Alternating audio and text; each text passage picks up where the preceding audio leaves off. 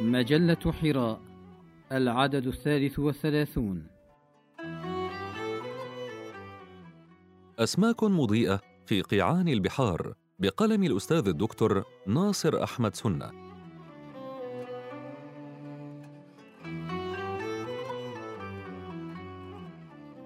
لعل الضوء من أهم العوامل بجانب الحرارة والضغط المائي الكبير وتيارات المد والجزر ونسبة الملوحة المرتفعة ومصادر التغذية إلى آخره التي تؤثر تأثيرا كبيرا في حياة الكائنات البحرية التي تعيش في أعماق البحار والمحيطات. ففي هذه الأعماق السحيقة حيث انعدام الرؤية بسبب الظلمة التامة المركبة الناجمة عن السحب والأمواج السطحية والداخلية كيف تسير وتهتدي وتتغذى وتتكاثر الكائنات البحرية المتنوعة. عديدة هي الكائنات البحرية بينما يقدر عدد أنواع الأسماك المعروفة عالمياً بحوالي 24 ألف نوع ويعيش نحو 60% منها في المياه المالحة وفي مختلف مستويات العمق. ومن أهمها أسماك الأعماق القاع وفي العديد من الكائنات البحرية التي تعيش في ظلمات القاع الحالكة. ثمة إضاءة ذاتية حيوية bioluminescence فهي تستطيع توليد وإنتاج وإصدار الضوء البارد غير المصاحب بإشعاع حراري وتتميز معظم أسماك القاع المضيئة بلونها الداكن إما سوداء أو بنية داكنة أو بنفسجية إلى آخره. وغالبا ما تكون أجسامها رخوة لينة عديمة القشور أو تحتوي على القليل منها. وتعد أسماك ستومياتويد من أكبر مجموعات أسماك القاع المضيئة. تتميز بعيون كبيرة قادرة على جمع أكبر قدر ممكن من الضوء كما أن أجسامها متطاولة طولها ما بين بضعة سنتيمترات إلى مترين وفكوك ضخمة مزودة بأسنان كبيرة تضفي عليها مظهرا مرعبا. وفي أحد أنواعها السمكة الأفعى حيث تبرز الأسنان كأنياب خارج فم السمكة والبعض منها له لون أسود مع وجود صفوف من الأعضاء المضيئة. photophores وفي أنواع أخرى تتدلى أسفل فكوكها خيوط مضيئة تزيد على طول السمكة أضعافا مضاعفة. ومن أوضح الأمثلة للأسماك المضيئة سمك أبو الشص أو المبتلع الأنقليس angler fish أو Chaenophryne longiceps.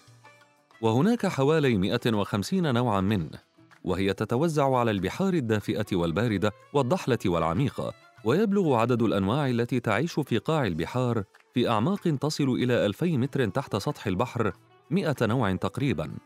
وبعض أسماك هذا النوع ينمو ليصل إلى المتر طولاً إلا أن معظمها لا يتجاوز بضعة سنتيمترات. وقدرة أسماك أبو الشص على السباحة ضعيفة وكثير منها يستعمل الزعانف الصدرية للزحف ببطء فوق قاع البحر فتتربص ما تقتات به. ومن أبرز صفاتها شوارب مضيئة تتدلى من ذقونها. وعضو الصيد الشرك الضوئي يشبه حيوانا قشريا مغريا أو صنارة مضيئة تبدو كزائدة. بقعة مضيئة من نسيج حي تجذب إليها الأسماك والفرائس الصغيرة ومن ثم تلتهمها بتلك الخدعة. وتوجد أسماك أخرى تمتلك مفصلا على طول خيط الصنارة المضيئة. تستطيع أن تثنيه سريعا لتلتهم الفريسة المثبتة على خطاطيف حادة صغيرة. على عكس المصابيح الحية التي يضيئها الكائن البحري وقت ما يشاء ويطفئها وقت ما يشاء توجد أنواع من الأسماك جعل الله لها في مناطق من جسمها مساكن تقطنها أنواع متكافلة من البكتيريا المضيئة. لكن الضوء البكتيري ضوء مستمر لا تتحكم به السمكة إضاءة وإطفاء لذا وهبها الله تعالى غشاء داكنا يشبه الجفن. فترخيه لتحجب به الأضواء وترفعه عن المصابيح فتضيء كما هو الحال مع سمكة Photoblepharon التي لها بقعة من هذه البكتيريا أسفل كل عين. وعندما تريد السمكة أن تطفئ ضوءها تعمد إلى إسدال ذلك الجفن عليها. أسماك كالغواصات. وتبدو الأسماك المضيئة كغواصات أعماق يسير البعض وقد أضاء مصابيحه الحية إضاءة مستمرة.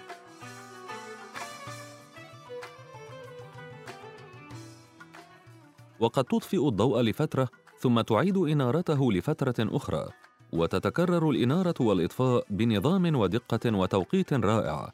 فقد تنير المصابيح لعشر ثوان ثم تطفئها لخمس وتنير وتطفئ كأنها تتبادل الإشارات مع أسماك أخرى إلا أن بعضها قد يضيء لمدة نصف ساعة ثم يغلقها ومن ثم يعاود الكرة لنفس المدة.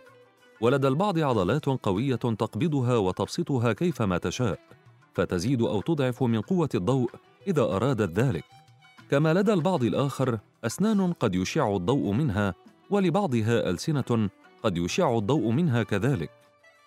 أما سيبيولا وهو من الرخويات مثل الصبيط فينشر ساترا من ضوء يغشي عين من يهاجمه من كائنات أقوى منه ثم سرعان ما يهرب. فلقد تعاون سيبيولا مع بعض الأنواع المضيئة من البكتيريا التي تسكن القاع. أخذها وزرعها ورباها في جيب نسيجي خاص وأعطاها الحماية والغذاء بينما تنطلق هي من الجيب لتغشي عيون الأعداء من حوله. ويوجد نوع من صبيط الأعماق له عينان كبيرتان ويحيط بكل منها خمسة مصابيح صغيرة يشع كل مصباح بضوء أبيض وقد يتحول إلى أزرق عميق. تعمل ككشافات تضيء له الطريق في ظلمات البحر وهناك عشرة مصابيح أخرى تنتشر على أماكن مختلفة من جسمه منها مصباحان في مؤخرته يشعان ضوءا أحمر وكأنهما مصباحا الخطر المثبتان في خلف السيارة وتملك بعض أسماك الحبار مصاص الدماء Vampyroteuthis infernalis أعضاء مضيئة خفيفة على جسمها ومؤخرا وجد بأن لها أعضاء خفيفة ومضيئة في ذراعيها حيث يمكن رؤية التوهج الذي يوجد على أجهزتها المضيئة على طول منتصف الذراع. وثمة حبار صغير من جنس أبراليوبسس يمتلك عدة أنواع مختلفة من الأجهزة الخفيفة حيث إن الحوامل الضوئية تغطي الجزء السفلي من الجسم. ومن الكائنات البحرية مشط البحر الهيلامي comb jelly. ويتميز جسمه بامتلاكه شعيرات دقيقة متسلسلة يستخدمها في تحريك جذعه في الماء. وكذلك يحتوي في منطقة الظهر على خلايا على شكل شرائط تبدو كأنها مخيطة ولهذه الخلايا قدرة على توليد الضوء. إن هذه الميزة موجودة في كل أنواع مشط البحر تقريباً وكل نوع له ميزة خاصة به. فمشط البحر الأحمر يبدأ باللمعان حالما يتم لمس جسمه. وفي الوقت نفسه يطرح في الماء موجات مضيئة من جسمه وهذا السلوك يمثل أسلوبا للتمويه والتخفي عن أعين الأعداء. أما نوع الشوكيات نجوم البحر وكستناء البحر ونجوم البحر الشعرية فإنها تعيش بالقرب من الشواطئ وبين الشعب المرجانية وفي الخلجان البحرية. تقوم هذه الأحياء بتوليد الضوء الخاص بها لإرهاب الأعداء. تمتاز أطراف هذه الحيوانات وعمودها الفقري باللمعان حيث تطلق موجات مضيئة من جسمها حالما تتعرض لهجوم خارجي. وهناك أحد أنواع النجم البحري يعيش على عمق ألف متر تحت سطح البحر يتميز بالتوهج الضوئي حيث تشع من أطرافه أضواء خضراء تميل إلى الزرقاء ويوجد نوع آخر من نجم البحر يبدأ باللمعان حالما يشعر بهجوم العدو. بل ويرمي العدو بأحد أذرعه المستمرة باللمعان لجلب انتباه العدو أو إبعاده ومن ثم يستطيع الهروب والنجاة. ومن مجدافيات الأقدام القشريات يوجد جواسيا وهو عملاق في عالم الكوبيبودا فمعظم الكوبيبودا يكون مليمترا أو اثنين وهذا النوع يبلغ 27 مليمترا عبر الهوائيات ويبرع في إنتاج ألمع عروض الضوء الحيوي. إذ يحدث ذلك عندما يخرج نفحات من الضوء عند القيام بالهرب.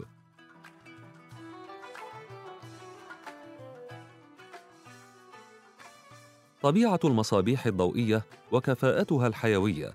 حاملات الضوء عبارة عن مصابيح صغيرة على درجة عالية من الكفاءة. تتركب من قرنية شفافة تتلوها عدسة. ثم من عاكس مقعر عبارة عن نسيج خاص يقابل شبكية العين وهو المسؤول عن توليد الضوء. وقد تقوم القرنية والعدسة بتجميع هذا الضوء قبل أن ينبثق خارج جسم السمكة. وتختلف أعضاء الإضاءة في هذه الأسماك من حيث العدد والتوزيع والتعقيد. وغالبا ما توجد على جانبيها أو على بطنها أو رأسها ونادرا على سطحها العلوي.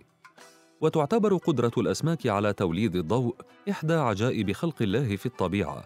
وقد يكون هذا الضوء باهتا يصدر بشكل متقطع من وقت لآخر أو قد يكون مبهرا مستمرا. ينتج هذا الضوء من تحويل الطاقة الكيميائية إلى طاقة ضوئية حيث تتحول مادة اللوسفرين بعد اتحادها مع الأكسجين لتكون مادة الأوكسيلوسفرين المضيئة ويقوم بهذا التفاعل إنزيم اللوسفريز الذي يرتبط بمصدر الطاقة في الخلايا الحية أدينوسين ثلاثي الفوسفات ATP ويظل مرتبطا بمصدر الطاقة حتى تأتي إشارة من الخلايا المتخصصة لإصدار الضوء الحيوي فينفصل الإنزيم عن مصدر الطاقة ليقوم الإنزيم بتحفيز تحول مادة اللوسفرين للاتحاد بالأكسجين وتتأكسد لتكون المادة المضيئة الأوكسيلوسفرين ويمثل هذا التفاعل الفريد عملية الأكسدة الوحيدة المعروفة في أجساد الكائنات الحية التي لا يصاحبها إنتاج قدر مدرك من الحرارة بل إن الطاقة الكيميائية تتحول جميعها إلى طاقة ضوئية مما يجعل كفاءة ذلك الضوء الحي تصل إلى 100% في حين أن مصابيحنا أو آلاتنا لا تستطيع بلوغ تلك النسبة النهائية في تحويل كل طاقتها إلى ضوء. ومن العجيب أن كل نوع من هذه الأحياء البحرية له مركبات كيميائية خاصة منتجة للضوء وله إنزيماته الخاصة كذلك. وقد أجرى هارفي أحد أفذاذ عصره المختصين بالكشف عن سر الضوء الحيوي عدة تجارب في هذا المجال فوجد أنه لو أعطيت جزءا واحدا من المادة التي ينبعث منها الضوء الحيوي ووزعته في أربعين مليار جزء من ماء البحر لاستطعت أن ترى ضوءها في هذه الكمية الهائلة من الماء شرط وجود الأنزيم الخاص مع الأكسجين. كما يشير إلى أنه لو وزع جزء واحد من الإنزيم على ثمانية مليارات جزء من ماء البحر فإنه يستطيع أن يؤكسد مادة انبعاث الضوء الموجودة في الماء ويبعث بضوء تحس به العين البشرية. كما أن الأكسجين الداخل في هذا التفاعل يستطيع بعث الضوء في وجود شروط التفاعل من إنزيم ومادة كيميائية إذا كان تركيزه جزءا واحدا في كل مئة مليون جزء من الماء. فلو قارنا هذا الدينامو الحي الصغير الذي يبعث بإضاءته القوية مع حجمه الضئيل مع الدينامو الضخم الذي صنعه البشر لتبين كيف تتضاءل إمكاناتنا أمام عطاءات الخالق سبحانه وتعالى لمخلوقاته. عطاءات لا تعلو على دقتها دقة ولا على كفاءتها كفاءة. صنع الله الذي أتقن كل شيء إنه خبير بما تفعلون.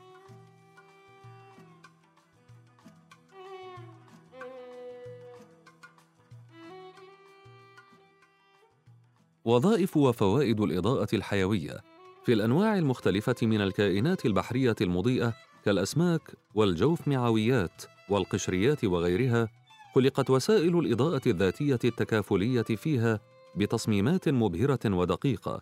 إنا كل شيء خلقناه بقدر. ويمتاز نحو 95% من الأحياء المائية في الأعماق بإشعاع ضوء حيوي مختلف الألوان. فلكل نوع من أسماك الأعماق عدد محدد من المصابيح ولكل ضوءه الخاص أزرق أبيض أخضر وموقعه وقوته التي لا تتغير. هذا خلق الله فأروني ماذا خلق الذين من دونه بل الظالمون في ضلال مبين.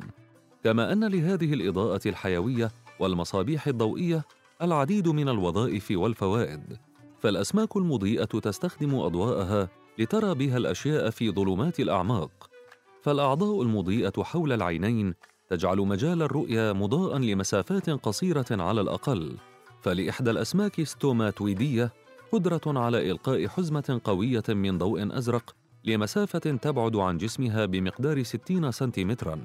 إلا أن أكثر مواقع أعضاء الإنارة التي تميز حاملات الضوء هي على الجبهة البطنية ويستعمل هذا الضوء ككشافات تسلط على الطحالب والكائنات الدقيقة والتي تتغذى عليها العديد من أسماك الأعماق. كما تشكل انماطا مميزة يتعرف بواسطتها أفراد النوع الواحد. فتستخدم الضوء كلغة إشارة وتواصل خاصة بين أفراد النوع دون غيره ولكي يتجنب أفراد النوع افتراس بعضه البعض.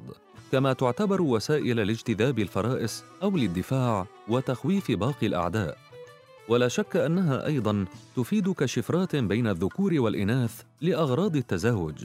ويبقى السؤال من غير الله الخالق البارئ المصور يمكن أن يعطي كل نوع من أنواع تلك الأحياء البحرية العميقة هذا النور الذاتي ويحقق تلك الوظائف والفوائد المتعددة. وهنا يتضح البعد المادي الملموس لهذا النص القرآني المعجز كما يتضح من قبله الجانب المعنوي الرفيع. ومن لم يجعل الله له نورا فما له من نور.